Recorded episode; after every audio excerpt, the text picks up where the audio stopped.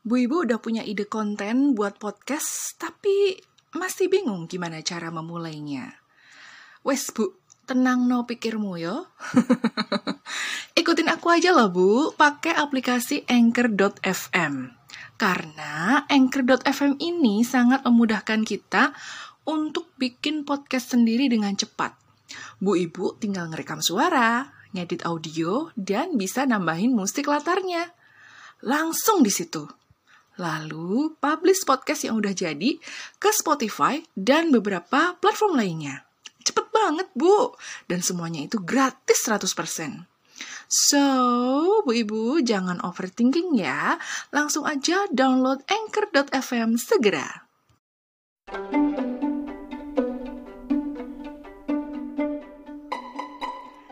Hai ibu-ibu, apa kabarnya? Sehat-sehat ya bu ya? Assalamualaikum warahmatullahi wabarakatuh. Masuk ke minggu kedua bulan Desember nih. Semoga segala persiapan dan keriuhan mau liburan akhir tahun itu bisa tertangani dengan baik ya. Karena kalau nggak bisa di-manage, wah bisa-bisa kita sendiri nih yang exhausted gitu ya. Mikirin ini, itu, apa-apa aja yang harus dibawa serta Badan capek, pikiran tambah capek juga. Mood berantakan, temperamen jadi naik. Seisi rumah pun bisa kena imbasnya. Jadi marah-marah gak jelas, teriak-teriak ke anak, dan ternyata bu, ini bisa nular ke anak loh. Anak-anak tuh jadi lebih agresif, atau mungkin malah sebaliknya, jadi pendiam, takut disemprot sama ibunya. Wah, kalau terus-terusan gini, mental anak-anak bisa terganggu loh Bu Ibu. Ujung-ujungnya nanti malah cancelin rencana liburannya dan harus stay di rumah aja. Eh, tapi Bu, meskipun di rumah, tetap bisa loh punya quality time bareng keluarga, ya kan? Ini mungkin saatnya liburan ini nanti tuh bisa untuk mempererat bonding dengan anak-anak dengan cara membacakan dongeng untuknya. Kapan lagi ya kan? Mumpung cuti akhir tahun, pas anak-anak juga ada jadwal liburnya, klop deh. Nah, sambil mereka ulang apa aja yang kudu disiapin untuk berlibur di rumah, aku temenin ya Bu ya. Tentunya di podcast Bu Ibu, bareng aku, Ibu Inung.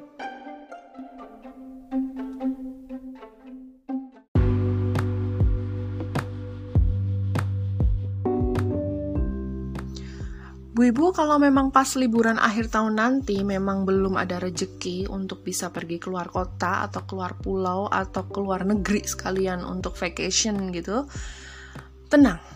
Ibu-ibu masih bisa kok menghiasi hari-hari liburannya di rumah dengan kegiatan-kegiatan yang sifatnya bisa membangun bonding antara orang tua dan anak. Dan tentunya kegiatan yang sekaligus memperkaya kesehatan mental anak.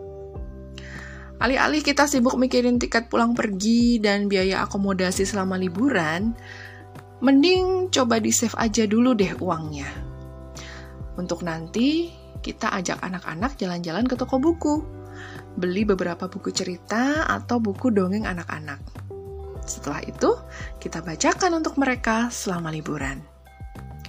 Mungkin terdengar sepele dan gak asik ya Bu ya, ya Bu Inung kok di rumah lagi di rumah lagi sih? Kegiatannya bacain dongeng lagi kan? Eke mau healing-healing gitu Bu Inung. Dapat suasana baru gitu. Bisa lihat-lihat pemandangan baru. Kok malah di rumah toh Bu? Bu. Eh ibu-ibu jangan salah ya. Membaca dongeng justru bisa jadi salah satu cara healing loh. Kita lihatnya jangan dari kita kitanya ya bu ya, tapi coba deh dari si anak ini bahwa sebenarnya healing untuk anak itu tuh nggak melulu harus pergi-pergi kok. Karena healing itu sendiri kan artinya menyembuhkan. Menyembuhkan kesakitan yang dia rasakan. Dan biasanya healing itu tuh untuk mental ya. Bahwa anak-anak itu juga perlu disehatkan lagi mentalnya supaya bisa berpikir ke arah yang positif, supaya anak-anak bisa lebih ceria, terus bisa menumbuhkan confidence dalam dirinya. Nah, itu semua bisa dicapai salah satunya dengan membacakan dongeng untuknya, Bu, untuk anak-anak. Coba ingat, pada saat Bu Ibu baca buku cerpen atau novel gitu, bukankah Bu Ibu juga merasakan sebuah ketenangan dan kedamaian sendiri? Bu Ibu bisa larut dalam cerita, terus jadi punya perspektif baru dalam memandang dunia ini. Ya kan? Nah, begitu juga terhadap anak-anak, Bu. Apalagi untuk anak-anak yang usianya masih kecil, yang belum bisa membaca sendiri. Gitu. Di usia dini anak-anak itu yang perlu diperhatikan bukan hanya kesehatan fisiknya aja loh bu, tetapi kesehatan mental anak itu juga penting dalam memastikan tumbuh kembangnya supaya optimal. Kesehatan mental anak sendiri adalah bagaimana anak itu berpikir dan merasa mengenai dirinya sendiri dan dunia di sekelilingnya. So, kesehatan mental itu berhubungan juga dengan gimana si anak ini nanti bisa menghadapi tantangan dalam hidupnya. WHO sendiri menyebutkan bahwa setengah dari gangguan mental yang diidap oleh orang dewasa itu sebenarnya terbentuk sebelum memasuki usia 14 tahun.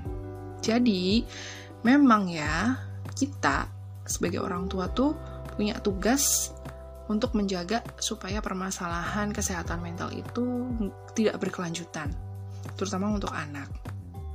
Kesehatan mental anak tuh jangan hanya diartikan sebagai kondisi mental anak yang nggak punya penyakit mental ya, tapi juga mencakup kemampuan untuk berpikir secara jernih gitu. Mencakup juga kemampuan anak untuk mengendalikan emosi dan kemampuan bersosialisasi dengan anak seusia mereka. Anak-anak yang punya kesehatan mental yang baik tentunya akan punya beberapa karakter positif. Misalnya, bisa beradaptasi dengan keadaan, bisa menghadapi stres, dan bisa menjaga hubungan baik dengan orang lain, dan bisa bangkit dari keadaan yang sulit. Misalnya, dia bisa menerima kekalahan gitu. Berbagai studi itu sudah dilakukan selama bertahun-tahun dan mengatakan bahwa orang tua yang membacakan dongeng untuk anak akan menciptakan dampak positif pada perkembangan otak anak. Ada studi tahun 2015 dari jurnal American Academy of Pediatrics yang menyatakan membacakan dongeng juga bisa mengaktifkan area otak yang mendukung citra mental dan pemahaman naratif mereka. Minat baca yang tinggi pada anak-anak itu ternyata berhubungan baik dengan aktivasi saraf di korteks asosiasi parietal temporal occipital sisi kiri ketika dia itu mulai dibacakan cerita atau dongeng. Nah, korteks ini adalah sebuah wilayah penghubung gitu ya, wilayah hub gitu ya, yang mendukung pemrosesan bahasa semantik. So that's why, Bu-ibu, ibu-ibu harus memberikan stimulasi yang tepat untuk melatih supaya korteks-korteks ini bisa saling bersinggungan gitu. Sebuah penelitian lagi yang secara ilmiah The Lancet itu menyebutkan bahwa membaca dongeng bisa menjadi pilihan untuk menstimulasi uh, apa namanya aktivasi saraf di otak itu tadi karena cara ini bertujuan untuk merangsang kualitas dan kuantitas sel-sel otak supaya bisa bekerja dan berfungsi secara optimal. Terutama di usia awal perkembangan anak, di mana yang sangat dominan dan aktif untuk tubuh itu adalah indera pendengaran dan indera penglihatan. Bu Ibu pasti kalau beli buku dongeng pasti menemukan dong ya gambar-gambar ilustrasi yang full color gitu dan memang itu ditunjuk, ditujukan untuk anak-anak. Nah, ketika anak-anak melihat gambar-gambar itu pasti akan merasa lebih antusias lagi gitu. Indra pendengaran juga akan distimulasi dengan baik saat dibacakan dongeng. Ketika ibu dan bapak ya membacakan dongeng, anak-anak pasti akan memperhatikan dan mendengarkan dengan teliti Nah, proses inilah yang melatih si kecil mencermati sebuah masalah dengan cara mendengar. Ada sebuah penelitian, Child Language Teaching and Therapy, yang membuktikan bahwa anak-anak yang terbiasa mendengarkan dongeng itu punya keterampilan memecahkan masalah dengan cepat loh, Bu. Wah, jadi memang berguna ya aktivitas membacakan dongeng ini.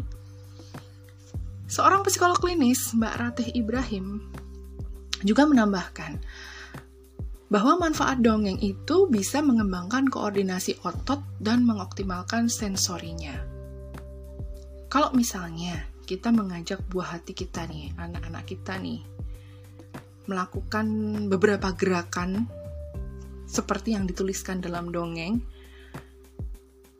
itu akan membuat seluruh sistem dalam tubuhnya akan terstimulasi dengan baik. Misalnya, dalam dongeng itu dituliskan tokohnya sedang berlari. Nah, kita juga melakukan acting berlari. Dan kita ngajak anak untuk melakukan itu juga. Atau misalnya tokoh dalam dongeng itu sedang mendayung sampan. Kita peragakan bagaimana cara mendayung sampan. Kita ajak juga si anak untuk mendayung sampan bersama-sama Karena dengan bergerak seperti itu, si anak ini akan terjaga gitu loh kesehatan fisik dan mentalnya. Mereka pasti happy ya. Wah, asik juga ya nih. Bisa melakukan hal seperti tokoh yang ada di dongeng gitu. Dan ketika bergerak, tingkat stres anak-anak tuh juga pasti akan menurun. Karena happy itu tadi. Gitu, Bu. Jadi membacakan dongeng itu bisa menurunkan kadar stres dalam diri anak-anak. Karena membaca dongeng bisa membuat pikiran anak itu kemudian uh, wandering gitu ya, apa berkelana gitu ke berbagai tempat yang mungkin nggak pernah mereka pikirkan sebelumnya. Apalagi kalau dongeng anak-anak itu kan biasanya genrenya fantasy ya, gitu. Sebuah negeri di atas awan, misalnya kayak gitu. Ketika orang tua membacakan dongeng kepada anak, yang namanya kadar kortisol dalam diri anak, itu ternyata bisa membuat anak menjadi rileks. Nah, seperti yang aku bilang tadi, bu ibu rileks kan pada saat baca cerpen atau novel gitu. Nah, itu karena kadar kortisolnya naik. Ini manfaatnya, nggak cuma orang dewasa aja kan yang merasakan, tapi anak-anak juga. Bahkan ketika dibacakan dongeng, anak-anak biasanya kan tertidur ya gitu. Kalau misalnya biasa dibacakan dongeng sebelum tidur kayak gitu. Ya nggak sih? Ada lagi sebuah penelitian Journal of Developmental and Behavioral Pediatrics yang menunjukkan bahwa anak-anak yang secara teratur dibacakan dongeng itu tuh rata-rata mengetahui 1,4 juta kosakata lebih banyak dibanding anak yang tidak pernah dibacakan dongeng.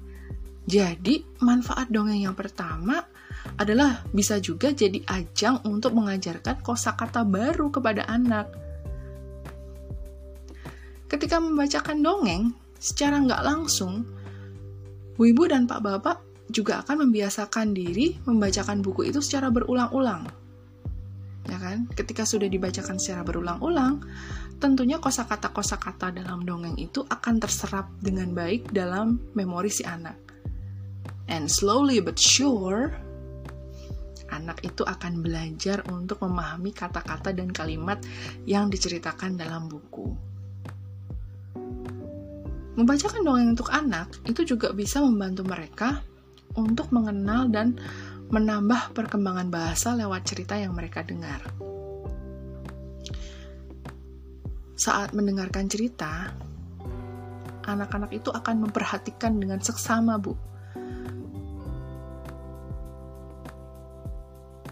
memperhatikan bagaimana bu ibu dan pak bapaknya bisa menyampaikan emosi dari setiap tokoh. Apalagi kalau kemudian bu ibu dan pak bapak mampu menggambarkan dengan baik perbedaan-perbedaan emosi yang muncul dari tiap-tiap tokoh. Misalnya emosi bahagia, ibu bisa memperagakannya. Emosi marah, dari tokoh tersebut, Bapak bisa memperagakannya. Emosi takut. Bapak Ibu bisa mem mem memperagakannya dengan ekspresi wajah yang benar, yang pas, dengan intonasi yang pas. Bahkan juga mungkin irama membacakannya juga berbeda gitu. Mereka akan tahu, oh kalau orang lagi bahagia tuh begini ya kalau orang lagi takut tuh begitu ya gitu ada seorang psikolog anak dan remaja namanya Mbak Gisela Tani Pratiwi yang bilang dongeng anak itu memiliki sederet pesan-pesan nilai kehidupan yang mengajarkan kebiasaan baik serta bisa memperluas wawasan pengetahuan anak. Studi menunjukkan adanya korelasi mendongeng dan pembentukan nilai moral serta karakter. Melalui dongeng, ibu dan bapak bisa memberikan afirmasi positif nilai-nilai kehidupan yang membantu memastikan tumbuh kembang anak yang optimal. Wah, jadi sebenarnya kita bisa belajar dari buku ya. Apalagi ketika bu ibu dan pak bapak ini mungkin pernah mengalami kesulitan dalam memberikan contoh kebaikan-kebaikan gitu. Ya langsung aja bu, bacakan buku dongeng yang isinya tentang nilai-nilai kebaikan. Apalagi dibacainnya pas anak-anak itu masuk ke usia tertentu di mana mereka itu harus mulai paham konsep baik dan buruk gitu. Beberapa psikolog anak pun bilang, kemampuan anak untuk berimajinasi dan memecahkan masalah itu umumnya muncul di usia 18 sampai 24 bulan. Jadi 2 tahun ya. Nah, di usia tersebut kapasitas diri anak itu luas banget buat belajar banyak hal baru.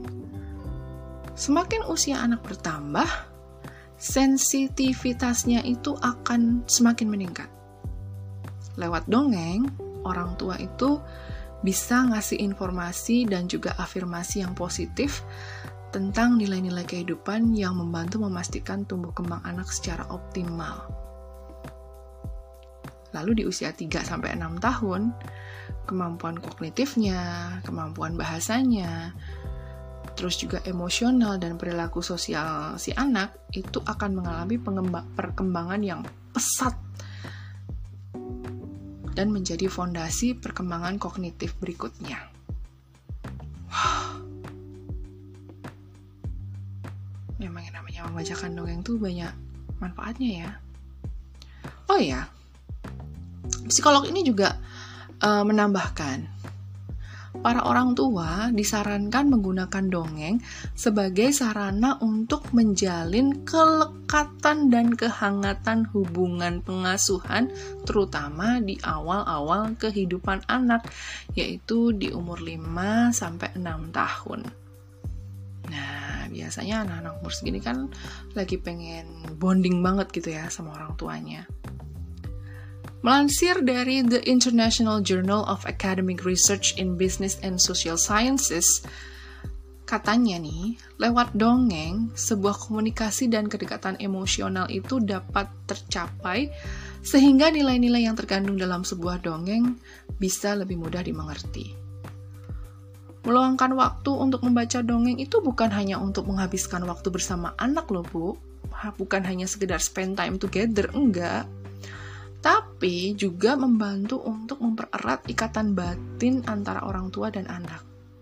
Sebab ketika membaca dongeng, proses komunikasi yang interaktif itu terjalin antara orang tua dan anak. Mungkin tanpa kita sadari ya, tanpa ibu sadari, tanpa bapak-bapak sadari bahwa kegiatan membaca dongeng kemudian ada komunikasi yang interaktif antara orang tua dan anak, itu akan memunculkan kehangatan gitu loh. Intimasi lah ya antara kedua belah pihak gitu loh. Dan ketika rasa hangat itu diterima dan dirasakan si anak, otomatis anak akan merasa bahwa kehadirannya itu dihargai. Bahwa dia itu diterima, being accepted gitu dan itu memang dibutuhkan juga oleh orang tua gitu. Dari situ tentunya nggak akan ada lagi ya perasaan cemas akan ditinggalkan oleh orang tuanya. Sehingga mental si anak ini pun bisa terjaga selalu sehat dan selalu berpikir optimis. So, Gak ada salahnya kan kalau liburan nanti tuh kita bisa lebih pererat lagi bonding dengan anak-anak dengan membacakan dongeng. Setuju, Bu? Setuju ya. Jadi uangnya buat beli buku dongeng aja ya. Alright Bu Ibu, episode ini adalah bagian dari tantangan 30 hari bersuara 2022 yang diselenggarakan oleh komunitas The Podcasters Indonesia. Thanks ya Bu udah simak episode kali ini. Aku Ibu Inu from Podcast Bu Ibu. See ya!